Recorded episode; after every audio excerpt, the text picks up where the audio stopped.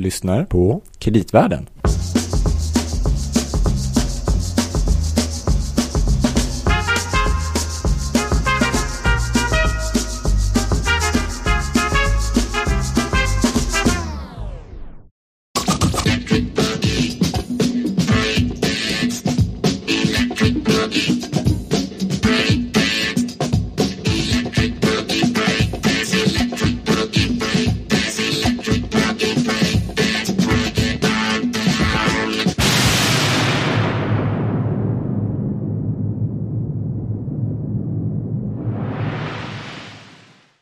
Oj, oj, oj, Gabriel. Ja, Det är som elektrisk stämning här i studion. darrar i kroppen. Ja, det är helt fantastiskt. Vilken, uh, vilken inledning. Men jag känner, jag känner mig också lite elektriskt laddad faktiskt. Jag hade nästan hoppats på att jag skulle få höra eh, Leila K Mhm. nu. Nu blev det inte det. Ja, men det kanske blir senare. Man Ja. vet aldrig. Ja, just det. Nej. Ja. Jo, man kommer lite i det modet faktiskt. Jag håller med. Mm. Lite schyssta dance-moves också. Mhm. Mm. Ja, det ser inte det publiken det tyvärr. Nej. Det här är i alla fall Kreditvärlden. Ja, Mm. med och av Louie och Gabriel. Det stämmer bra det. Och vi har, är ju en podd om eh, finansmark- kreditmarknaden egentligen. Men Mm. allting som påverkar den, det är ju väldigt mycket. Det Fan. mesta har det Mm. visat sig. Exakt. Och förra avsnittet Mm. eh, tycker jag var jätteintressant. Då pratade vi Mm, med med. Jakob Ja, eh, om en väldigt, en väldigt aktuell, het fråga som påverkar alla i grunden, men också Mm. inte minst finansmarknaderna och inflationen. Även valet visar sig. Exakt. Eh, det är en spaning som många gör. Mhm. Mm. Kanske även vår gäst som ska hjälpa oss idag. Men, Ja. Och då tänkte vi vi kanske ska följa upp på det här. Ja, men för att vi fick ju den här fina grunden genom Jakob att vi förstår, eller jag förstår i alla fall bättre nu, lite grann hur allt hänger ihop och hur eh, elpriset blir vad det blir och det är olika elmix i olika länder Mm. Eh, och lite den dynamiken Mm. känns det ju som att vi har kommit in i. Mm. Men sen började jag själv fundera på, ja okej, men det här är ju här och nu och sen vet vi, apropå el, det ska elektrifieras, eller ska, det håller väl på, men Det behövs mer el. det, det är i alla fall, ja exakt, och så blir man fundersam på, men vad händer då då? Och vad, hur ska det här sluta? ska det sluta Gabriel? Ja. Så vi har en, ehm, en, framtidsspanare. Eh, spanare. Ja, En och vi brukar ju ha expert. så fina experter här i podden och det här är fantastiskt för nu har vi en expert här faktiskt på framtidens energisystem, Jonas Bergqvist från RISE. Hej! Välkommen hit. Tack så mycket. Du har också en sån fantastisk titel tycker jag. Fokusområdesledare Framtidens energisystem. Ja, den är verkligen härlig. Det låter både lite coolt och samtidigt att man känner att man inte riktigt förstår. Det är, det är lite så det kan vara på ett forskningsinstitut. så kan jag känna på jobbet ibland också. Ja. Jo, jag känner igen det. Eh, Man Ja. går bland alla 30 procent disputerade som vi har på, på RISE.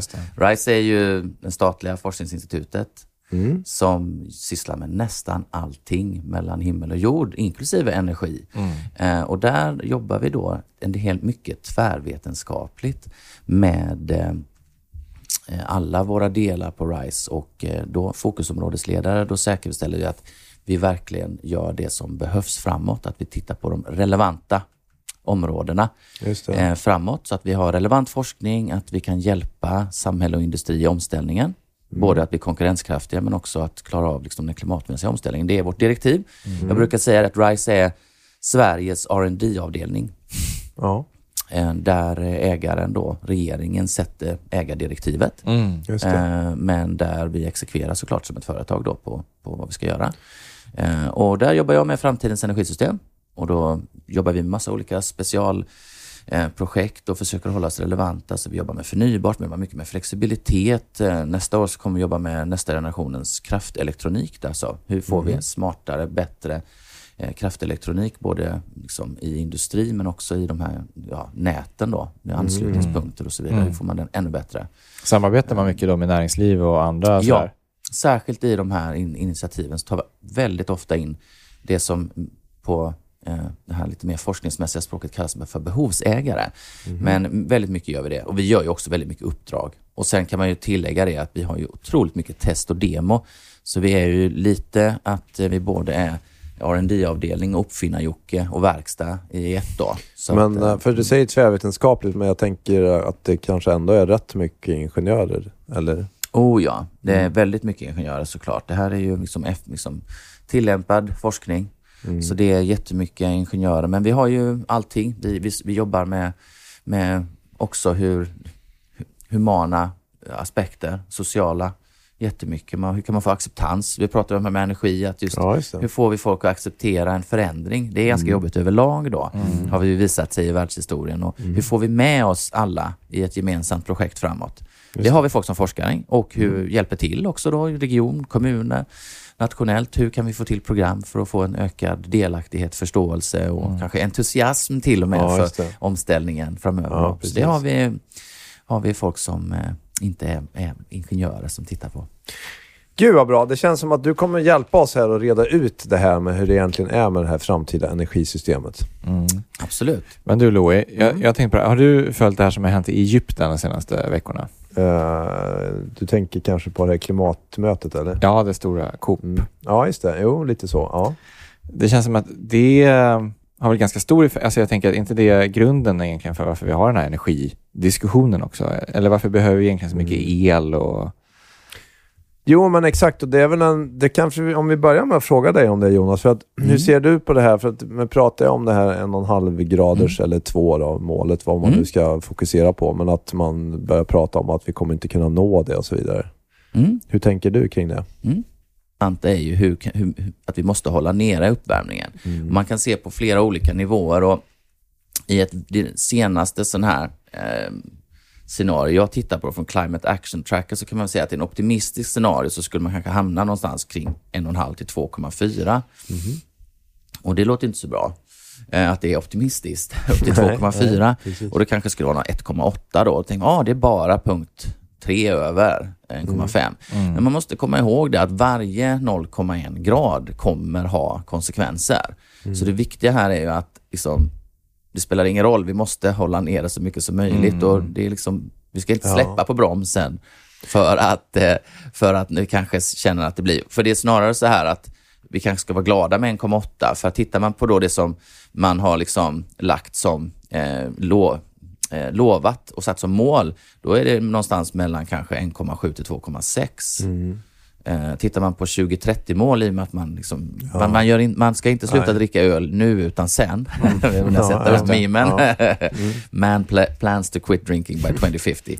eh, och, mm, eh, Ja, jag känner igen mig själv. Ja, ja. precis.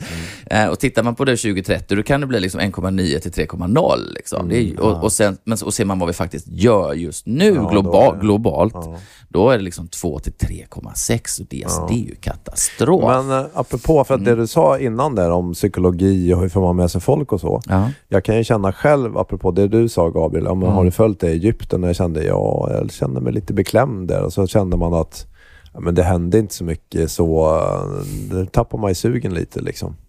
Det blir lätt att komma in i den moden liksom att Mm. ja, det blir vad det blir för det, det här verkar ju kört liksom. Alltså man ger upp lite grann.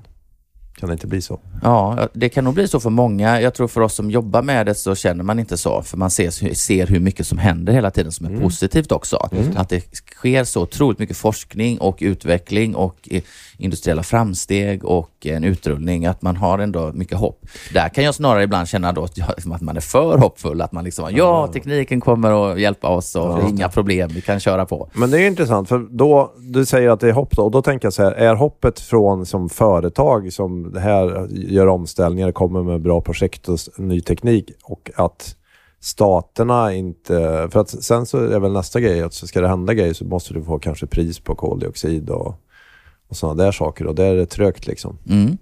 Ehm, jag har en favorit think tank från USA som heter Rethink X eh, som drivs av en kille som heter Tony Seba. Eh, och han, de har liksom en ganska contrarian view på vad, vad hela omställningen och de har gjort en sak som heter Rethink Climate Change. Eh, och de menar väl i princip att vi har den teknologin har- som behövs idag till och med för att klara av eh, klimatkrisen. Men det som behövs är i princip bara policy. Ja. Så han menar liksom att policy, policyinnovation, regleringar, det, det är det som behövs. Och kanske kapital. Och kanske, ja absolut, för att, kapital. För att liksom sätta dem, all den här nya tekniken i verks, verksamhet. Ja, Mm. exakt. Eh, så policyinnovation och reglering är, är faktiskt, även om jag är verkligen en teknikoptimist och tycker det är kul, så är det det som är det absolut viktigaste. För vi ser ju också hur våra industrier är väldigt, vi gärna vill gå fram, men att de säger ju själva liksom, vi behöver regleringar för det är svårt för oss att motivera annars. Det är svårt i en marknadsekonomi att gå först eh, när inte reglerna... Ja, om andra kan släppa ut gratis så blir det ju bara Ja. en kostnad då, om Ja. du själv ställer om liksom, så får du ingenting tillbaka antar jag.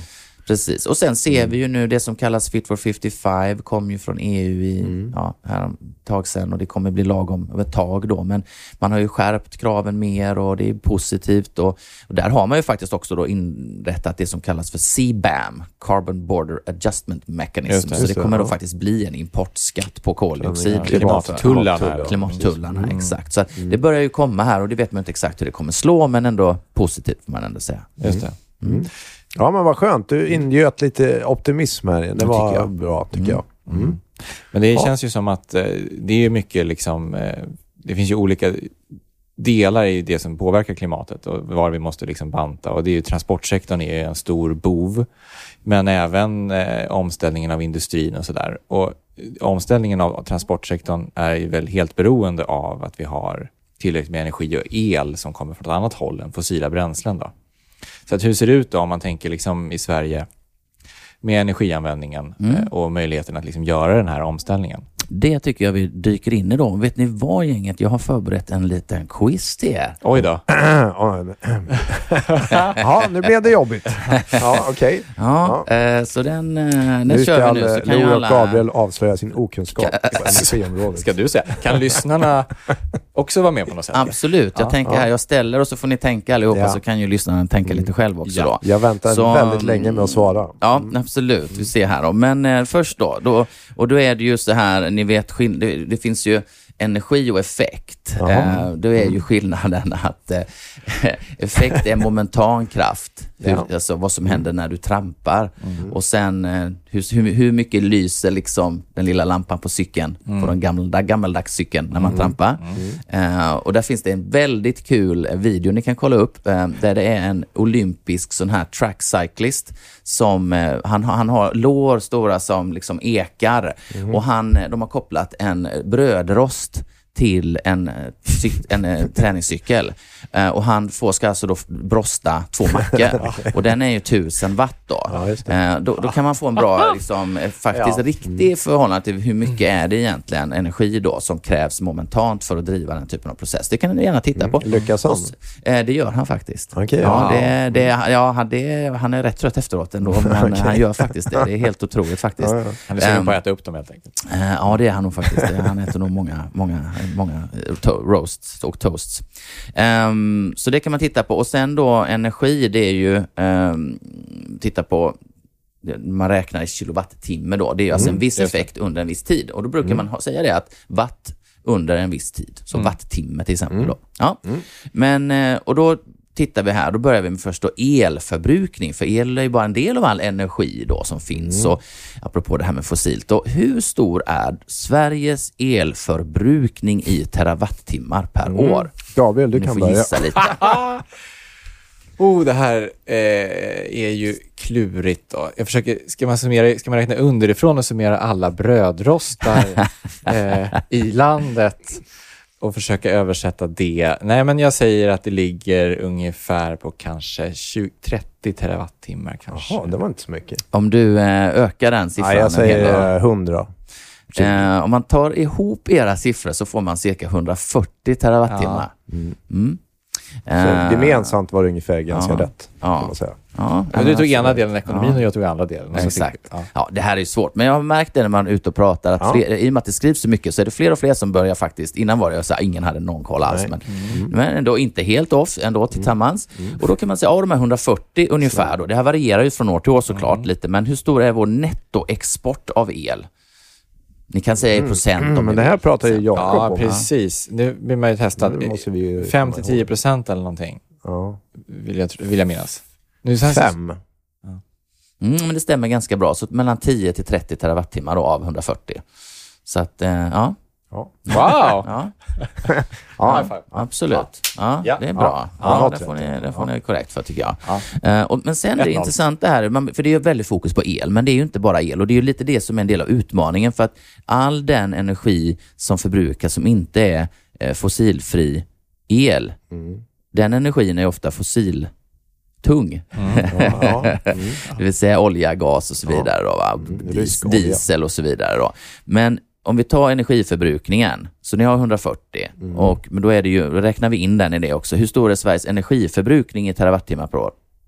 Ish. Är det dubbelt, tre, tio, hälft, ja, Är hälften? det här inklusive alla fordon som drivs av fossila Ja, det här är bränslen? allt liksom. All energiförbrukning. Mm, Okej. Så makro, Ja, makro, ju- stor siffra. Mm. Mm. Oj. Är det dubbelt eller tre ja, eller fyra nej, gånger? men eh, 200. Ja, 300. Ja, men det är, det är nästan tre gånger. 350 till 400 Bra terawatt. Gabriel. Ja. Ja. Mm. Var, ja, ja, tack. Mm. Tack, tack. Det var bra. Så för jag tycker det är bra alltid att liksom Ja, lära sig ja. lite storheter Ja, när man bra. ska titta vart vi ska. Liksom. Mm. Det är så himla Det är därför det är så viktigt annars. att inte börja prata om elmarknaden när man pratar om det här kanske. Ja, precis. Ibland så jag får jag också att en del forskare, Jonas nu säger du el när du menar energi och sådär. Och det, det kan man göra ibland. Det, så att el är ju verkligen inte all energi. Nej. Det måste man komma ihåg. Väldigt viktigt. Eh, som elmarknaden och är ju egentligen då en energimarknad ofta, även om det är elmarknaden de flesta av oss berörs av. Men eh, energimarknadspriserna på naturgas till exempel är ju, påverkar ju elmarknadens priser. det. Just ja. Exakt. Men då, eh, vi ska gå in i det lite mer, men hur mycket elenergi i terawattimmar behöver vi redan till 2025 för att kunna hålla takt med utsläppsmålen då av de här 140 terawattimmar? Hur mycket behöver vi addera här på en tre år? Eh, ja, men jag har i alla fall för mig att på sådana här långtidsutredningar, Mm. då måste det öka två, tre gånger. Mm. Och då blir det ju inte så mycket till 2025 då, så att, inte vet jag, men det ska upp till 200 då kanske. Eh, På de här åren så ska vi Pass. öka i alla fall 15 terawattimmar. Jaha. Eh, och, och det, för det är ju bara tre år, vilket kommer bli Ja, det väldigt tufft. just Ja. det. Men du har rätt i det att vi, vi, vi vill ju upp någonstans två, tre gånger så mycket till eh, ja, 2045, 2050 beroende på hur man räknar då. Mm. 2045 är ju det här målet som ligger sedan länge då för Sverige då. Eh, att vara helt koldioxidneutrala. Men så 15 terawattimmar, vad är det då? Ehm, Är det en sån här vindkraftspark i Östersjön? Det kan eh, vara en väldigt stor sån kan man väl säga, eller några stycken som vi kommer se sen. Men, men man kan väl som, du kan säga så här, Forsmarks eh, kärnkraftverk mm, brukar producera ish 25 terawattimmar per år. Så det är liksom nästan ett, eh, ett Forsmark. Och grejen så här, drar man ut det här då över ehm, över 30 år, som vi ändå ska hamna någonstans kring 50 då, så kan man säga att vi behöver addera i snitt 8 terawattimmar per år i 30 år. Ja, just det. Eh, det, här, det här som jag tycker är viktigt, att man liksom behöver få den här skalan och Om storheterna. Och, är konstant om, eller om, om den, ökar nu då, om vi ska liksom trend, dubbla, ja. trippla. Så att vi behöver säga att vi behöver få upp då, alltså 8 gånger 30, 240 terawattimmar till då, Mm. vilket är vad många räknar med. Så att vi liksom lite, mer, li, nästan Men då tripplar undrar då. man ju direkt, tror du att man kommer lyckas på det här 2025 då? Alltså 2025, eh, det, beror, det är lite svårt att veta, det är så himla nära. Men det kommer ju det kommer in en del ny vind och så, eh, som är bestämd. Men det är inte säkert eh, att, det funkar, att det kommer lö- lösa sig till 2025. För jag tänker att alla Mm. sådana här havsbaserade och sånt, det är mycket längre ledtider än... Ja, nej, det är ju, liksom. så är det. Nej, och de tar ju lite längre tid sådär, men det kommer, kommer online. Så att, nej, det kan vara, kan vara svårt i närtid. Eh, Mm. Ska det hända så behöver man verkligen ge beslut. Det som är positivt med, med vindkraft är ju att det går relativt fort att bygga. Ja. Ja, men jag tänker mest så här att i och med att vi har de här omställningsprojekten till exempel av industrin i norra Mm. Sverige så har man ju väldigt fina Mm. ambitioner men allt är ju beroende av den här energin och om det då är, visar sig vara väldigt osäkert på om Mm. den kommer då blir man ju lite undrar man ju kommer det att funka det här? Ja, nej men det det är liksom, det brinner i knutarna. Ja. Men vi har ju möjligheter så det är ju att hela samhället tillsammans får säga att nu, nu ska vi fixa detta. Det har vi fixat innan. Mm. Eh, jobba på flera olika perspektiv eh, samtidigt tror jag. Eh, och för ser man det som du var inne på lite, att vad, är- vad är det liksom, dels är det ju klara industrin och det handlar ju om att vi vill då få bort fossilt och det är ju lite att våran elenergisektor idag i Sverige är i princip koldioxidneutral redan. Vi har ju väldigt lite det finns lite, men det är väldigt lite om man tittar på totala utsläppen från energi, utan det är transport och industri som står för det allra största. Och så är det lite jordbruk också och lite övrigt. Så att transport och industri, och det är just då för att det är fossila processer där. Vi har våran fossila drivmedel och sen har vi massa olika typer av fossila processer i industrin. Det är jättemånga olika, mm, mm. inklusive att man bränner, att man använder kol och olja, men också andra typer av saker i, i, de, i processer. För vi har mycket processindustri i Sverige. Ja, Stål och så vidare. Ja, och kemi och betong. Och, liksom. Ja, vi har mycket tung industri i Sverige, mm. Eh, vilket är roligt. Eh, mm. Men det, där behöver vi göra mycket.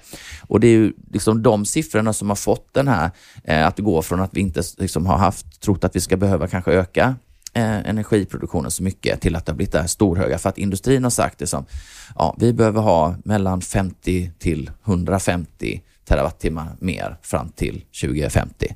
Mm. Ja, de här, alltså från 140 då så ska vi, liksom, lika mycket som vi har idag ska vi ha bara för industrin. Liksom. Mm. Eh, troligen då. Och transporter då, i och med att eh, elbils, alla tillverkare har gått ut och sagt vi ska elektrifiera allt och EU har sagt all, bara elbilar 2035 ja men då vet vi att transporterna, hela den sektorn, ja men då är det liksom en 20-25 terawattimmar till då för att liksom mm. offsetta att vi slutar tanka bensin och diesel och så ska ja. vi ha tanka el istället. Ja. Och sen säger man digitalisering och det är ju liksom datacenter då. Vi har ju mer och mer den typen av industri här, vilket jag tycker är positivt. Eh, och det tar mycket el. Mm. Eh, man räknar 5-10 terawattimmar liksom bara för datacenter och eh, Just det. liksom. Men det kan man väl i och för sig säga, en sån grej som suger mycket energi mm. liksom, är, mm. kan man ju hävda i och för sig då, om, om vi tycker att vi har domestika mm. behov, eh, mm. att det kanske inte är jättebra att det kommer hit stora globala koncerner och mm. bygger datacenter som tar den energin. Ja, typ. så kan man tycka. Ja. Sen vet jag, ja, det, det, alltså energi är ju, och el är ju politik. Å andra sidan är det inte trevligt att det kommer hit folk och vill göra företagsetableringar. Mm. Eh, jo, men vad jag menar var, eller är också att um, det kan, man kan ju tänka sig, vi har mm. kanske inte haft så mycket debatt om det, men det här att det blir en konkurrenssituation mellan industrins behov ja, och konsumentens uh, elpris. Ja, det blir det absolut. Och sen kan man ju också se att vi har ju till och med, i och med att man i det här tidiga scenariot, man inte trodde att det skulle öka så mycket så snabbt, så, så har man ju till och med subventionerat de här Eh, ja, exakt. Ja, som kommer utifrån. Liksom mm. att nej, men ni får väl rabatt till och med för att ni mm. bygger här för det, vi vill ha jobben och det är ju fine. Mm. Men det, nej, så det blir ju lite konstigt, absolut. Mm. Så är det. Ja. Um, så vi behöver väldigt mycket mer produktion. Mm. Uh, och hur ska vi få till den? Det är ja. det som är den stora frågan och det är det mycket debatten och så handlar om. Och det jag tycker är viktigt för alla, liksom det är att zooma ut lite och inte bara titta på Sverige utan titta på Norden, Europa och hela världen. Mm. Vad händer? Det mm. tycker jag är viktigt för att få mm. det perspektivet. Mm. Um, Men det är inte bara i Sverige det behövs mer el menar du? Nej, det, nej, det är helt rätt Det är faktiskt så. Ja. Uh, och det, så det måste man tänka på. Så att jag, um, och tittar man på då energimixen globalt idag så är det ju kol, olja, naturgas till alltså 80 procent. Mm. Alltså både så att säga i industri, transporter all energi, och energi. deras elmarknader som dessutom då inte är klimatneutrala. Precis, mm. all energi i hela världen. Mm. Som man brukar säga exajoule energi då. Så. Mm. Någonstans 430 exajoule kring 2000 då. Så kommer vi ju givetvis öka totala energiuttaget. Eh, även om vi energieffektiviserar globalt så blir det fler människor det var ju den här, vad var det nu, hur många miljarder vi var häromdagen? Åtta. Precis, vi kanske mm. tänker att vi ska upp till tio. Det, alltså, det mm. drar energi att vara fler. Men ser du att trenden ökar förnybart? Hur, hur snabbt går det i den här mixen? Ja. Då? Alltså, det är ju International Energy Agency som är de främsta på detta och de räknar ju på, på hela världen mm. med massa ingående modeller och tittar. Och de har, det, är, det är prognoser, det är man vet ju inte. Det är svårt att förutsäga framtiden långt in. Eh, mm. Säkert om man inte vet all teknikutveckling och så vidare. Men i princip så säger de att det som måste eh, ersätta de här fossila, det är till största delen vind och sol eh, globalt. Vind och sol? Absolut, mm. det kommer vara det absolut. Och andra, för andra förnybart som de säger då, lite blandat. Så, här. Mm. så blir det en del bioenergi, räknar man ju på att den ska kanske dub tripplas, dubblas minst. Man hoppas också att kärnkraften ska byggas ut dubblering till 2050 globalt. Mm. Dock så ser man ju inte att det händer. Eh, det är väldigt... Det byggs eh, inte så mycket det byggs inte alls. Man tittar, man, det finns otroligt fina resurser på IEAs hemsidor. Bland annat en som heter Tracking Clean Energy Progress. kan man gå in och se. Då har de så här trafikljus för alla. Alla e- energislag kan du gå in på och titta. Eh, ligger vi on track enligt Net Zero eller inte? Eh, och det ligger inte nuclear on track tyvärr då. Nej, Då kan man läsa om varför, man kan se var det byggs och hur, massa, massa grejer kan man gräva sig ner då. Så att, eh, det kan vi prata lite mer om sen varför det är så, men eh, vi kan ju hoppas att det vänder. Men även om den dubbleras så kommer, räknar man med att vind och sol kommer stå för kanske fyra, fem gånger så mycket som, eh, som kärnkraften globalt. Då.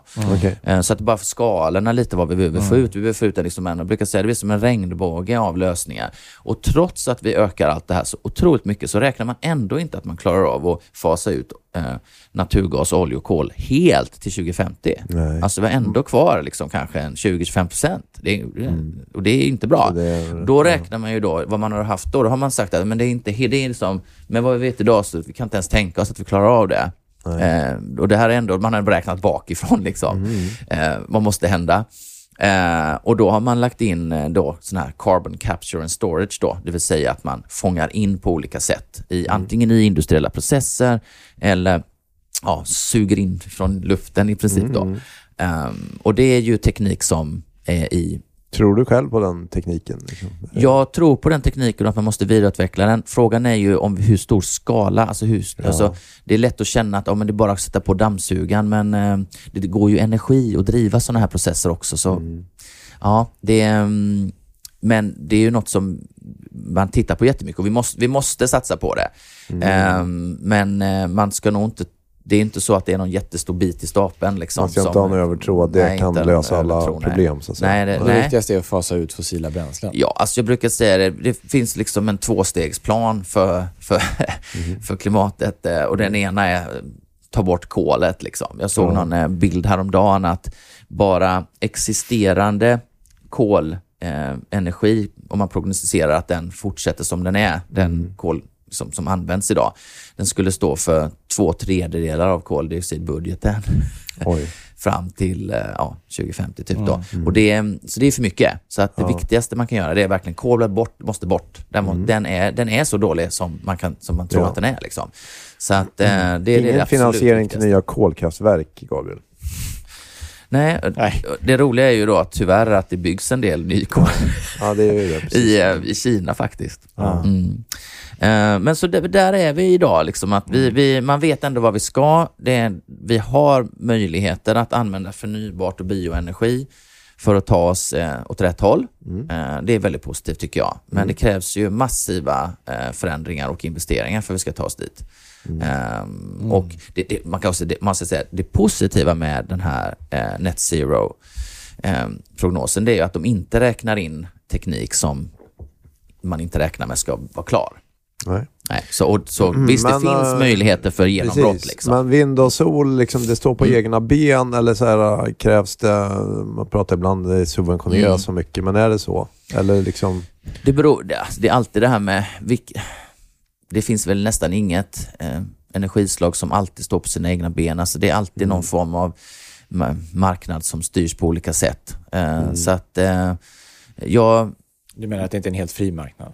Nej, alltså vi har ju nätmonopolet och sen så vill ju man eh, säkerställa vad alla länder att man har en bra eh, energitillförsel så att det är ju sällan att det är liksom totalt fria marknadskrafter skulle jag säga någonstans. Men, eh, men man ser ju att det, det, det kan bära sig.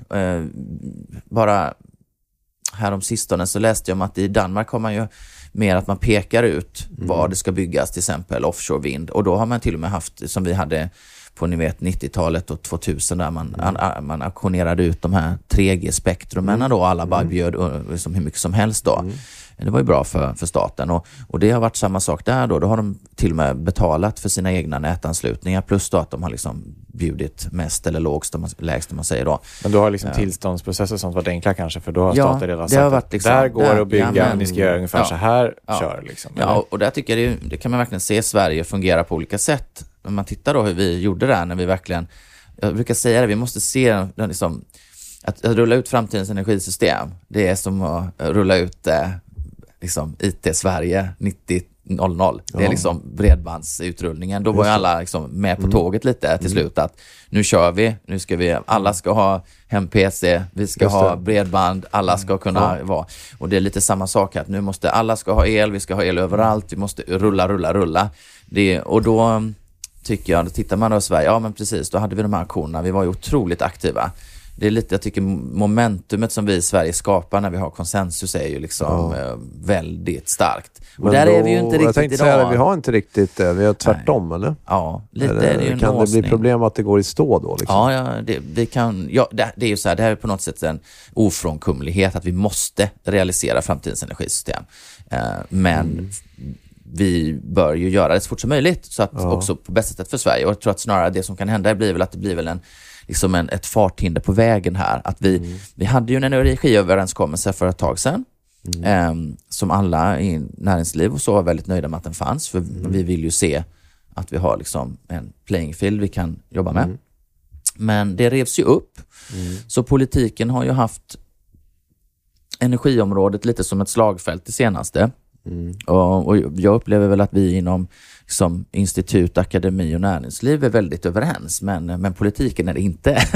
Nej, nej, det är Eh, men så vi kan väl hoppas att, eh, att vi kan landa där igen, för jag tror att det är det som behövs. Oavsett om vilka kraftslag vi ska, vi ska bygga så tror jag att det kräver att man är lite överens. Ja. För eh, säg att vi ska bygga mm, Alltså, ny målet. kärnkraft. Mm. Ehm, Det kommer ju vara svårt om att ta den otroliga capex-investeringen om man, inte, om man vet att någon kanske stoppar den om fyra år till exempel. Jag, jag tror inte det är möjligt, utan det Nej. krävs en ny energiöverenskommelse tror jag Mm. för att få det att verkligen hända. Det, det, om det ska hända Alltså fort för- och snabbt, va? sen kan det ju, kommer det hända ändå. Men, menar för att marknadens aktörer faktiskt ska genomföra investeringarna och så vidare. och så vidare. oh ja, Mm. ja det tror jag. Mm. Eh, Men också det lite att det blir ju utmaningar att eh, nu när vi är inne, så att vi har liksom jättemycket behov av flexibilitet och balansering. Vi måste bygga ut den här nätkapaciteten fort förutom produktion och ehm, det här måste lösas på massa olika eh, delar i nätet då. Och det krävs att vi skapar massa policies och sånt som vi sa. Vi måste kanske jobba om lite marknadsdesign och lite, jag är ju sån här nästan mer och mer kring detta att vi har liksom en elmarknad och ett energisystem som är byggt för ett förvaltningsläge. Man har liksom sagt att nu har vi det perfekta och så har man liksom stängt dörren och så har sagt att eh, Lasse, du kan väl gå och kolla att det funkar lite då och då och, och liksom lämnat det där. Eh, och man har optimerat för liksom jättelåg kostnad. Man har, menar, innan det här började så var ju varje år bara att man skällde på nätbolagen för att de tog ut för mycket nätavgifter. Ja, och nätavgifterna används ju för att förstärka och bygga ut nätet. Det. Det är ju som kostar väldigt mycket. Så att man har ju sagt att ni, får in, ska inte bygga ut. Eh, det är inte bra. Eh, Ni ska hålla nere kostnaderna och eh, vi ska också, alla ska få vara med och bestämma hela tiden. Det ska gärna ta lång tid. Alltså vi har verkligen Mm. optimerat för eh, allt annat än snabbhet. Just det. Ja. Och nu är vi inne i en behöver vi förändringsläge. snabbhet. Vi behöver optimera för snabbhet och utveckling. Mm. Det är vad vi behöver göra och det är helt, ett helt annat läge. Och det märker man ju nu att liksom Svenska kraftnät behöver liksom verkligen byta fot här. Och, och det, det ska man ha stor respekt för tycker jag. Att det är, liksom, Mm. Det är inte det är inte lätt. lätt. Men jag tycker att de faktiskt gör ett väldigt bra jobb. Eh, kan givetvis vara bättre. Mm. Ehm, så det, men det kräver ju att alla är med och eh, ställer om då. Just det. Så, Men i den här då, när man tittar då på de här behoven Mm. och så sa du 2025 Mm. och så gissade jag fel och sen, eh, men i alla fall och sen 2030 och 2050. Mm. Vad är det då för energislag som ska, är det i det korta perspektivet, Mm. är det då vindkraft eller? Ja, vind och Det- sol. Ja. Eh, och sol byggs ju mer, alltså det har en fantastisk utveckling också. Sen är det ju, jag brukar säga, sol skalar inte. Det vill säga, eller det, det är så här, en panel är en panel. Ja. Sen kan du bygga en jättestor park. Det är Ja. Mm. jättebra. Men liksom, det är inte så att eh, panelen på den stora mer, solparken nej. ger mer energi eh, bara för att den sitter ihop med andra paneler eh, än vad den gör på ditt tak. Däremot så är det så här att eh, vind skalar, som Mm. brukar säga. Den skalar på kvadraten med liksom vingspannet, rotorspannet. Ja. Så att det är liksom det. Ni vet, det är också därför tror jag som vinden har fått ett dåligt rykte. Där, att, vet, de var så små så fanns det de här pytte som stod på liksom, eh, lilla huset på prärien typ och så snurrade det lite och så ja, kunde liksom eh, ja, rosta en toast kanske. Liksom.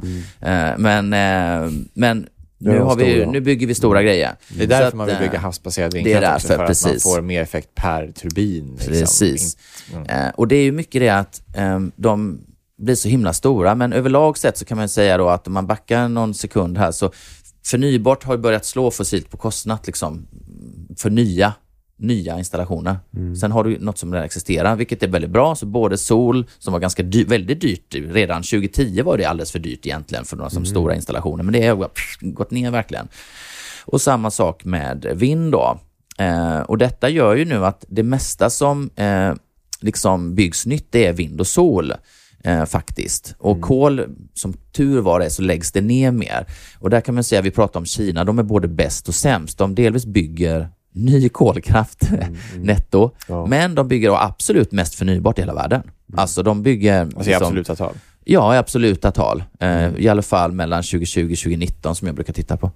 Ehm, men vad är det som händer nu då? Det är, för det är liksom teknik, tekniska förändringar har ju drivit vårt samhälle genom århundraden och nu ser vi liksom tre spännande utvecklingar. Det är att inom sol, inom vind och inom batterier så ser vi i princip en exponentiell utveckling.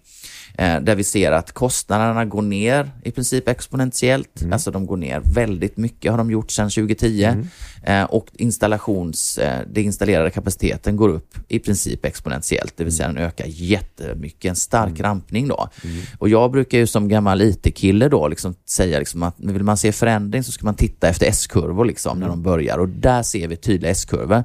Det som tyvärr har hänt är att vi har, liksom, har en inverterad S-kurva kan man säga för, för kärnkraft nu då. I och med Fukushima och annat så har ju det globala eh, value adjusted eh, levelized cost of energy i, i princip, i alla fall här i västvärlden, gå, liksom gått upp snarare än gått tillbaka. Så den har varit mindre effektiv för man måste bygga mer och mer på den traditionella fissionen som är storskalig då.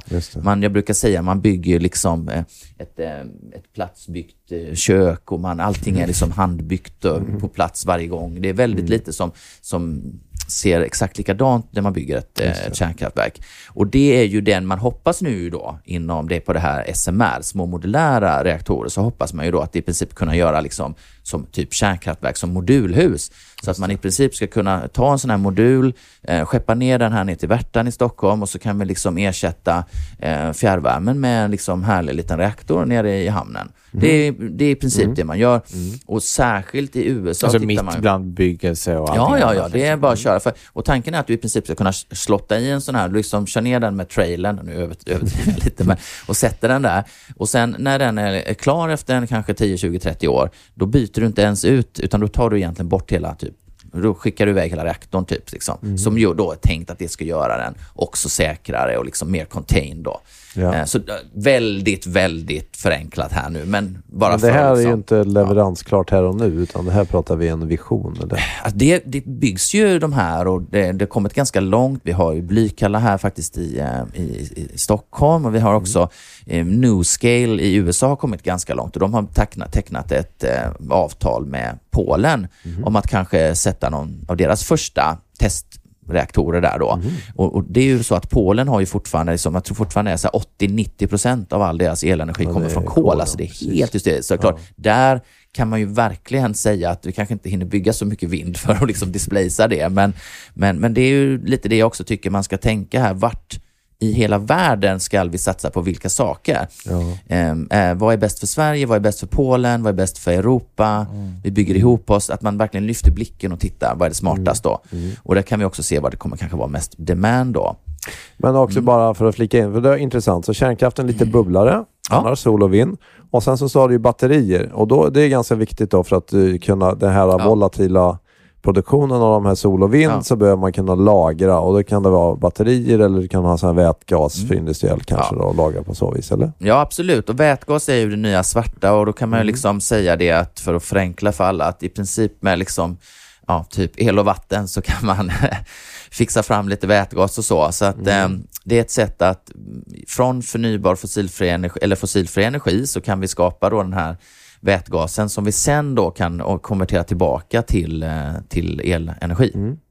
Ehm, Och lagra över längre och lagra tid, över längre Ja, tid, precis. precis. Det är ju det som är. Och tanken är att man kan ha stora lager av detta Mm. att man ska kunna sätta det här uppe vid de här gröna stålfabrikerna och så vidare då. Och Mm. man håller också på att titta och bygga eh, pipelines där man kan ha vätgas. Det blir som en liksom, ett eh, vätgas eh, energiinfrastruktur som man säkert kan Ja, ha mellan industrier. Och då blir ju också pipelinesen är ju en, lagringsmedia. Just det det. ligger precis som Nord Stream här som de sprängde. Så det lå- låg Ja, ju väldigt det. mycket gas i. Alltså själva Mm. pipelinen det, är ju det inte bara det. en transport precis. utan den är ju även en lagring. Ja, det. Det- traditionella batterier kräver ju också väldigt mycket, alltså både investeringar Mm. i både pengar men också resurser eh, Ja. i, i råvaror och sånt Ja. Mm. som vi kanske inte har tillgång till. Så kan, liksom, kan lagring, förutom då vätgas, kan det lösa liksom de här systemproblemen? Mäktar vi med det ekonomiskt och? Ja, liksom? det tror många att vi kan. Eh, Men givetvis kommer det bli en ökad efterfrågan på den här typen av eh, olika typer av Mm. eh, råvaror. Då. Men vad tänker man då? Är det och så att vi ska sätta liksom ett jättestort systembatteri Mhm. någonstans utanför Stockholm och ett utanför liksom Boden som är reservkraft för hela området? Eller är det mer att man själv hemma ska sätta upp ett sånt här batteri, Tesla-batteri eller någonting? Det kommer bli batterier i alla nivåer brukar jag säga. Så att vi kommer ha, du kommer ha, alltså, det finns en sån här, eh, en av mina favoritanalytiker inom tech, Benedict Evans, han brukar säga liksom att typ din mormors mor, eh, de visste liksom inte eh, efter ett tag liksom, vad, hur många, vad som hade motorer i sig. Och sen så visste man inte vad som hade liksom batterier i sig. Och sen visste vi inte vilka, vad som har liksom chip i sig. Alltså vilken generation då, att det var liksom något nytt som kom. Men sen så fanns det plötsligt i allt då. Och, så batterier kommer byggas in i allt framöver. Jag, det till och med jag såg här nu, en sån här, eh, ett amerikanskt startup som bygger en eh, jättesnygg och cool induktionsspis som kommer ha inbyggt batteri som gör att den delvis då kan undvika peaks, för det är ju det här, så det är väldigt så, eh, det är väldigt så faktiskt i Sverige, att när alla kommer hem och, Alltså, eh, på mm, morgonen, på kvällen eller på morgonen ska få, då är det peakas för att alla sätter på spisen och sina vattenkokare. Det. Och då är det ju liksom att har du då en sån här, och, och det, delvis får man göra detta för att det också ibland, att till exempel i USA, att det kan vara svårt att sätta in induktion för att liksom, eh, an- elanslutningarna klarar inte riktigt av det ibland. Mm. Och då har du en, ett, ett batteri så kan den liksom väga upp för den här peak-effekten. Då. Just Så allt kommer att ha batterier i sig och det ser vi redan nu. Med, i, I de stora nätbatterierna så Elon Musk han eh, skickade ju, de satte ju upp ett jätte mega, megapack som de kallade i Australien i deras grid för att hjälpa till där. Som är helt hysteriskt stort. Alltså flera hundra typ flera hundra megawatt. Liksom. Och jag skojade förra hösten när det var den här elkompensationen. Jag sa, kan vi inte ta alla de här, om vi tar alla de här pengarna som alla skulle få så skulle vi kunna typ köpa, bygga 10 power, power 10 megapacks i Skåne då. Och det var som så här 10 gigawattimmar eller något sånt där som vi skulle kunna ha i teorin då såklart. Ja. Men så här, det är som, vad jag menar med detta, det är möjligt att göra detta idag. Det görs där. Ja. Ja, och, och det funkar där. Det har varit, redan varit lönsamt det batteriet i, i Australien. Redan, och det är säkert superlönsamt just nu. Eh, för de kör mycket fossilt där. Eh, de gillar ju sånt. Ehm, men i alla fall, batterier då överallt. Ja, så vi kommer ha det i liksom våra plattor, vi kommer ha det i allt där du har mer eh, någon slags peak-utnyttjande. Och sen så kommer det vara då även liksom man kan tänka sig att du förstärker på nätstationsnivå som det heter, de här liksom, eh, små husen man ser här när man går. Vet, så här. Där ska man kunna ha batterier i. Du kan ha dem även på liksom högre nivå. Boenergi här utanför, de satte upp ett batteri tillsammans med Ellevio på gränsen för att liksom, eh, kunna ehm, för att kunna få lov att ge lite nya nyanslutningar till industrier så var de tvungna att liksom höja liksom, den maximala outputen. De hade liksom en sån här liten eh, eh, flaskhals kan man säga. Och då satte de batteriet där för att liksom kompensera flaskhalsen. Just Bara för att kunna ja. säga då. För det finns det. regler för här, men som att vi kan inte tillåta att folk kommer med nya industrier och så vidare, nu Pågen och alla de här. Liksom, det. att om inte, Vi har väldigt mycket häng, hängslen och livrem i systemet. Det måste folk förstå. Väldigt mycket. Ehm, och då lägger man till liksom en hängsle och livrem till med batterier. Så det kommer finnas överallt. Man kommer kunna ha dem i vindkraftverk. kommer du kanske kunna ha. Så att varje vindkraftverk då kan, kan liksom smootha ut sin, det. sin output. In i Eh, Ja, nätet. ja. Eller så sätter du dem, vi pratar om de här anslutningspunkterna, kanske lägger ett vätgaslager i, alltså du drar in elen från en park in till, eh, till land och sen så sätter du ett vätgaslager eller ett batterilager där, i den Just punkten då. Och då kommer du kunna kom- kompensera då, beroende på hur stort det är, för hela den här då. Men det låter med mycket lagring utbrett på olika nivåer Ja, så gör det att en, behovet av simultan elproduktionskapacitet Ja. minskar i systemet. Så kan man väl säga, eller? Ja, alltså, alltså man kan säga så här, vi kommer ha ett mycket smartare system. Men Eh, då behöver man inte ha lika mycket produktionskapacitet vid varje punkt i tiden. Så liksom. kan det vara. Det kan bli så. Så hur ska man veta vad, vad, liksom, vad, ska, vad ska samhället investera i? Är det mer produ- elproduktionskapacitet? Är Ja. det mer lagring? Är det mer nät? Liksom? Eller är det allting på en gång? Allting. Ja. Du måste bara mata på. All of the above. Ja, faktiskt. Det är, det är verkligen så. Ehm, Du, just ni frågar ju lite om det här med hur, hur starka är de här vindkraftverken nu? Jag brukar visa en bild på eh, General Electric. De har en som heter Haliade X och sen har vi våra danska, apropå, Danske Bank, eh, Vestas är ju en av de största, eh, största bolagen i hela Danmark. De har nu, jag såg på vi, lite videos där, de har en 15 megawatts eh, då, alltså 15 megawatt i effekt på ett enda snurreri då. Eh, och, den här Haliade X, den är då alltså, rotorspannet är 220 meter. Det är väldigt högt. Det står ute i havet. Ja, det står det ute i havet då.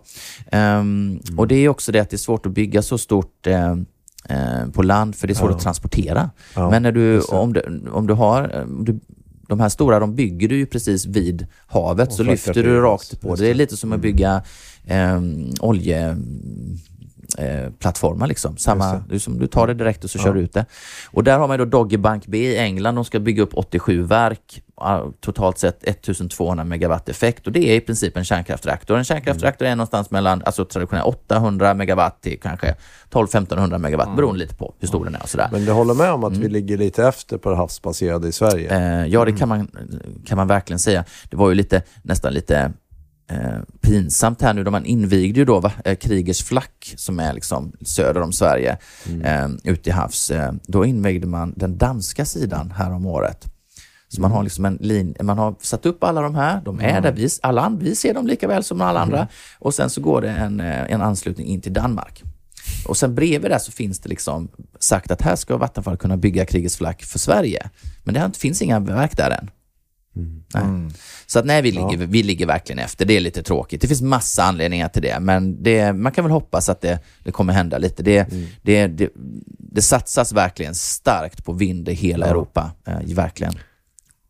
Men om du skulle göra något så här uh, medskick till, om man säger något företag eh, till exempel som lyssnar på det här och Mm. liksom den här, vad som nu händer med Mm. energisystem och el och det blir mer volatilt och det Mm. ena och det andra. Hur, vad ska man tänka på som... Ja, men precis. Absolut. Mycket vi säger, vi går ju då från ett förvaltande, supercentraliserat, linjärt system som är superhomogent, ingen risk, vi ska kunna ha bortfall av det största hela tiden, superanalogt. Så går vi till ett decentraliserat system där vi ska liksom fixa en exponentiell tillväxt. Det kommer vara jätteheterogent. Vi pratar om det, är batterier överallt. Det kommer vara massa olika produktionsslag. Eh, vi kommer ha, ta lite mer risk och så vidare. Och vi kommer ta massa olika nya saker och vi kommer ha mycket mer smart styrning och smart flexibilitet. Eh, men stora grejen är att det blir jättemycket variabel produktion. Det är ju det som alla säger, både i Europa och så. så om inte något tekniskt genombrott händer på andra områden så är det sol och vind som kommer stå för de största netto till additionerna. Och det innebär då att oavsett vad som kommer hända så kommer vi ha ökad variabilitet. Eh, det kommer inte leda till liksom, kollapser i systemen, för det kommer man kompensera för. Eh, där tycker jag att många liksom, eh, skräms lite för mycket. Men däremot kommer det bli så här att priserna kommer bli olika mycket oftare. Tidigare hade vi det här väldigt stabila, ett pris nästan hela tiden, ingen brydde sig. Men man kommer inte kunna sluta bry sig. Nej. Utan vi kommer ha fler tid med hög pris, och, men också mer tid med i princip de här superlåga. Ni kommer ihåg veckan så kostar det liksom två öre. Eh, liksom, eller ne- ibland har vi till och med negativt. Mm. Men det här med timprisavtal som många har fått läsa nu, det är Precis. här för att stanna. Det kommer bli här för att stanna mer. Det kommer vara mycket svårare för alla att liksom ge fast i de här fastpriserna. Alltså, Du kommer nog kunna få det, men med högre markups då. Och sådär. Så att det är liksom inte något man kommer vilja ha. Så att jag brukar säga det att framtiden så kommer man kunna få gratis el. Eh, och då, men, ja, det kan vara bra. Men det blir för den smarta konsumenten, både industriella och det Har man då möjligheten att kunna utnyttja när det är superbilligt och kanske också ha egen produktion och eh, ha olika typer av smarta optimeringar så kommer man ju kunna då köpa i princip eh, energi nästan gratis och sen till och med sälja. Och då kommer du på netto ha kanske hamnat att du har nettosålt då. Just det. Och det är det man ska förbereda sig för tycker jag, att bli liksom en nettoproducent. Det, Den här är killen med de här vinnare. tjocka låren, han kan sitta och trampa och sälja. Exakt, ja, ja precis. Han, han vet ju det att nu jäklar du kan tjäna pengar på det här. Han måste köpa en jäkla massa limpa för att driva ja, det här. Ja, ja, precis. Jag tror att det är net, nettoenergin kanske som Ja. går åt i det där. Jag vet inte riktigt. Man kan räkna på olika vis. Ja, precis. Ja. Wow, spännande. Ja, jäklar. Så mycket att fundera på. Uh, men även så blir jag lite glad, för jag känner ju att det händer så mycket spännande grejer. Ja, Trots det där gratis el lät ju lite tilltalande faktiskt. Ja. trots Men- resultatet av Sharm el Sheikh så finns det ändå ljuspunkter i omställningen kvar. Ja. Jag tycker att den elektriska känslan eh, finns kvar här i rummet också faktiskt. Ja. Mm. Har du tänkt något kanske? Eller? Ja, jag har tänkt på en låt. Ja, Du vet att vi spelar Tore Skogman ibland i den här podden, Gabriel? om jag vet det. Ja. Jag vet alla andra det. Ja, Ja, det hoppas de vi. flesta som Ja. brukar lyssna. Nej, men så här, han skrev ju en låt bland annat i, eh, som heter Pop i topp. Mm. Och den spelade ju Dag Vag. Och Ja, då på slutet så går det ju en propp.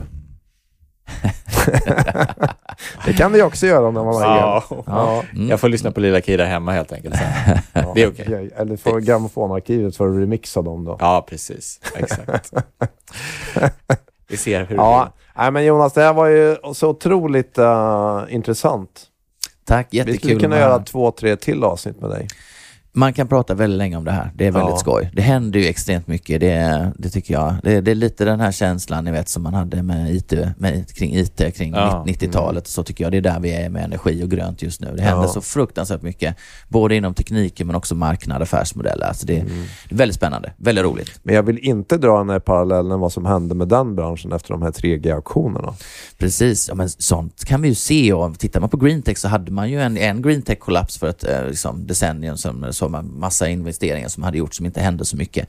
Och det är mycket möjligt att vi kan se det på sina håll eh, igen tror jag, när det kommer in de här massiva investeringarna. Det är klart att några av dem inte kommer falla väl ut, självklart. Men, eh, men vi är i ett sånt läge nu att vi kan liksom inte sluta investera för det, utan det är bara att försöka investera smart och mycket på rätt grejer och, och upp på banan igen. Och inte lägga alla, alla sina ägg i samma korg. Precis. Men Louis, det där kanske kan bli ett avsnitt någon gång Mm. om 3G-aktionerna och dess effekter. Det skulle det kunna bli. Ja, Ja, det finns en del anekdoter från den tiden. Apropå framtida poddar så vill jag Mm. bara passa på att säga att vi tänkte ju att innan årsskiftet så skulle vi försöka göra en liten uppsamlingsavsnitt där Mm. vi svarar på frågor från er lyssnare och andra tänkte jag säga. Men, eh, så att, eh, har ni sådana små eh, olika frågor om Mm. kreditmarknaden? Hur funkar det här till exempel med eh, hybridobligationer? Har vi fått någon fråga redan? Eh, det kan vara vad som helst, Mm. fastighetsmarknaden, energimarknaden.